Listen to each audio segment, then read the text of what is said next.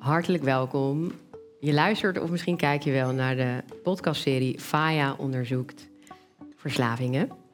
En tijdens deze serie ga ik op onderzoek van wat maakt mij verslaafd, wat maakt jou nou misschien verslaafd en wat is de oorzaak die daaronder ligt.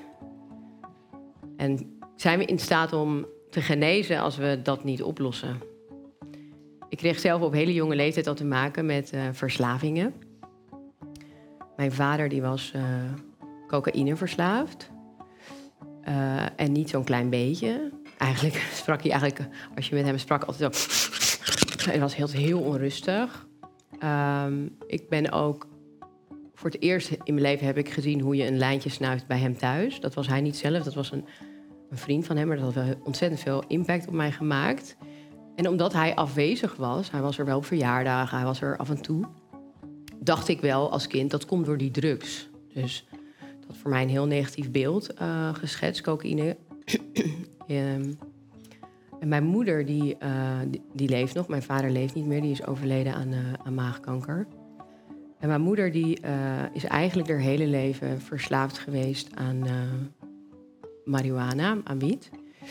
en ik zag al ik heb overigens toestemming om dit over haar te vertellen. Ik heb haar gisteren hierover gesproken. Um, ik zag eigenlijk mijn hele jeugd al dat het een onderdrukkingsmiddel was. Om niet te hoeven voelen, maar ook niet in het leven te staan. En dat uh, zij er ook op die manier niet echt als veilige ouder voor mij kon zijn. En met die afwezige vader was het zeg maar niet zo'n hele fijne cocktail aan, uh, aan jeugd. Maar mijn moeder die heeft dit patroon doorbroken en ik ben ontzettend trots op haar. Want zij is uh, anderhalve maand geleden op 69-jarige leeftijd afgekikt in een afkikkliniek. Uh, en ze zei daarbij: Ik wil de laatste 15 jaar van mijn leven gewoon uh, nuchter doorbrengen. Het was best wel emotioneel, had ik niet verwacht, maar ik, ik bracht haar naar de afkikkliniek. En dan wordt het opeens wel heel erg heftig, weet je wel, want wiet wordt heel erg genormaliseerd in Nederland. En het is allemaal normaal, maar als je dat op zo. Uh, ja, mijn moeder uh, rookt echt vijf gram per dag, uh, doet, dan, ja, dan ben je gewoon van alles aan het onderdrukken. En ik, ik ben dus helemaal tegen dat normaliseren van wiet zelf. maar ik bracht haar dus naar die afkikkliniek en ze was eigenlijk heel onrustig voor het eerst.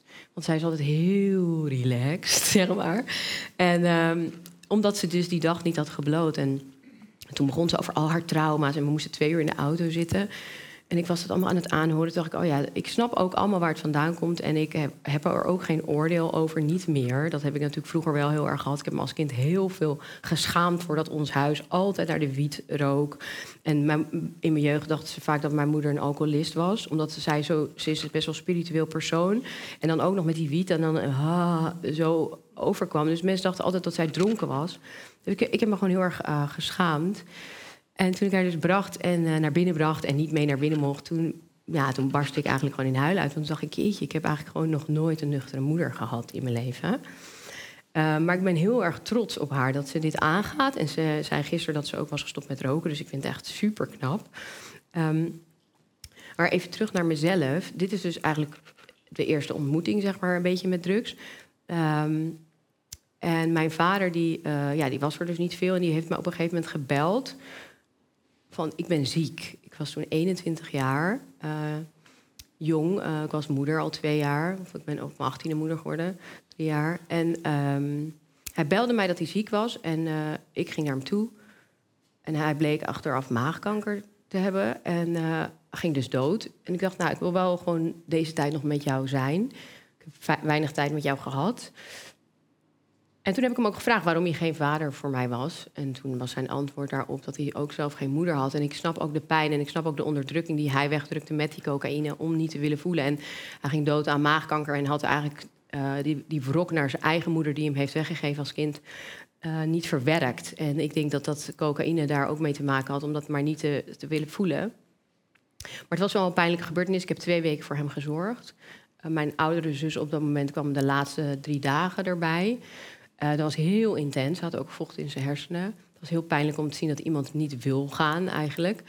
Uh, en toen hij overleed, toen erfde ik onder andere 1500 ecstasypillen. En uh, ja, ik was altijd heel bang voor ecstasy. Ja, ik dacht altijd, oh, er zit misschien een pil bij waar je dood aan kan gaan. Dus dat moet je niet nemen. Ik was 21, ik dronk niet, ik gebruikte geen drugs.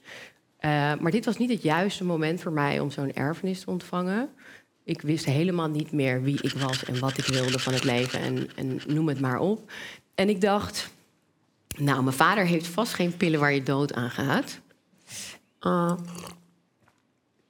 dus daar begon eigenlijk mijn uh, contact met ecstasy. En dat, als je dat in zo'n periode van je leven neemt, ja, dan, dan is dat een soort van, ja, ook onderdrukken natuurlijk van alles wat er, wat er niet mag zijn of zo. En uh, ja, dat was euforisch. En uh, ik ontmoette best wel snel de, de vader van mijn uh, zoon daarna. Die deed dat niet. Um, en dat was best wel een destructieve relatie. Daar hebben we het ook wel in de vorige podcast over gehad. Ook heel veel liefde hoor. Maar um, dat heb ik eigenlijk acht jaar volgehouden. Dus ook mijn enige relatie die ik acht jaar heb volgehouden door de ecstasy omdat als je samen dat in een weekendje doet en lekker nachtenlang van elkaar houdt, extra veel, dan maken die ruzies door de week wat minder veel uit. Dus dat is wel de realisatie die ik heb. En de ecstasy is ook wel echt verdwenen nadat die relatie uh, uitging. Dus ik zie bij mij echt, ik heb ook echt wel nog andere dingen uitgeprobeerd, maar gelukkig daar geen verslavingen uh, mee gehad. Maar ik heb van alles uitgeprobeerd. En wat ik eigenlijk altijd zag, is dat het altijd geconnect was aan een partner. Dus ik ben nooit iemand die op een feestje aan de drugs of zo gaat, maar ik was altijd bezig eigenlijk met seks en drugs. Dus was heel erg uh, gerelateerd aan, uh, aan mijn relaties die eigenlijk niet gezond waren en toxic. En dan, ja, was het toch spannend of zo. Dus dat patroon zag ik wel heel uh, snel. En mijn, mijn, laatste relatie is dat ook absoluut niet zo geweest. De laatste relaties niet. Maar er kwam er alcohol weer bij. Want wat je eigenlijk ziet bij mij is van die ecstasy-verslaving en die ex ging ik eigenlijk naar een sportverslaving in 2012. Daarin ben ik echt extreem streng voor mezelf en voor mijn lichaam gaan worden. Uh, moest het altijd beter en altijd slanker en altijd strakker. En ik zag eigenlijk alleen maar in mezelf wat ik niet mooi vond en niet de progressie die ik had gemaakt. Dus werd ik een ontzettende gezondheidsfreak. Dat ik echt dacht: oké, waar komt dit water vandaan? Dus was ik daar weer helemaal op gefixeerd. Dus dat ging eigenlijk dus van die ecstasy naar die gezondheid en alles gezond, gezond, gezond. En vanuit daar ging ik overleed mijn neefje. En toen ben ik weer naar de suikerverslaving gegaan. Toen ging ik weer heel veel eten, eten, eten, eten. Nou, toen kwam er weer wijn bij. En toen dacht ik, nee, van je gaat geen wijn drinken. Daar had ik dus heel veel oordelen over. Zelfafwijzing, uh, strengheid. Waardoor ik dacht, nou, ik moet stoppen. Want dat is niet goed voor een fit body. En het past niet bij wat ik doe. En dat boek en weet ik het allemaal. Dus Rasti Rostelli opgebeld. Kun je me hypnotiseren dat ik geen wijn meer lust? Die man die is bij mij thuis geweest. Heeft me eh, drie keer gehypnotiseerd. Twee keer weet ik gewoon helemaal niks meer van. En, uh, en toen uh, lustte ik dus geen wijn meer. Maar ja, het probleem, de oorzaak waar deze podcast over gaat, dat was natuurlijk niet opgelost. Dus wat ging ik doen? Bier drinken. Ja. dus dat is echt uh, het probleem gewoon verschuiven. En dat zie je ook heel erg in mijn verhaal. Het ging eigenlijk van de ene verslaving naar de andere verslaving, naar de volgende verslaving. Mannen, laat ik dat alsjeblieft niet achterwege laten.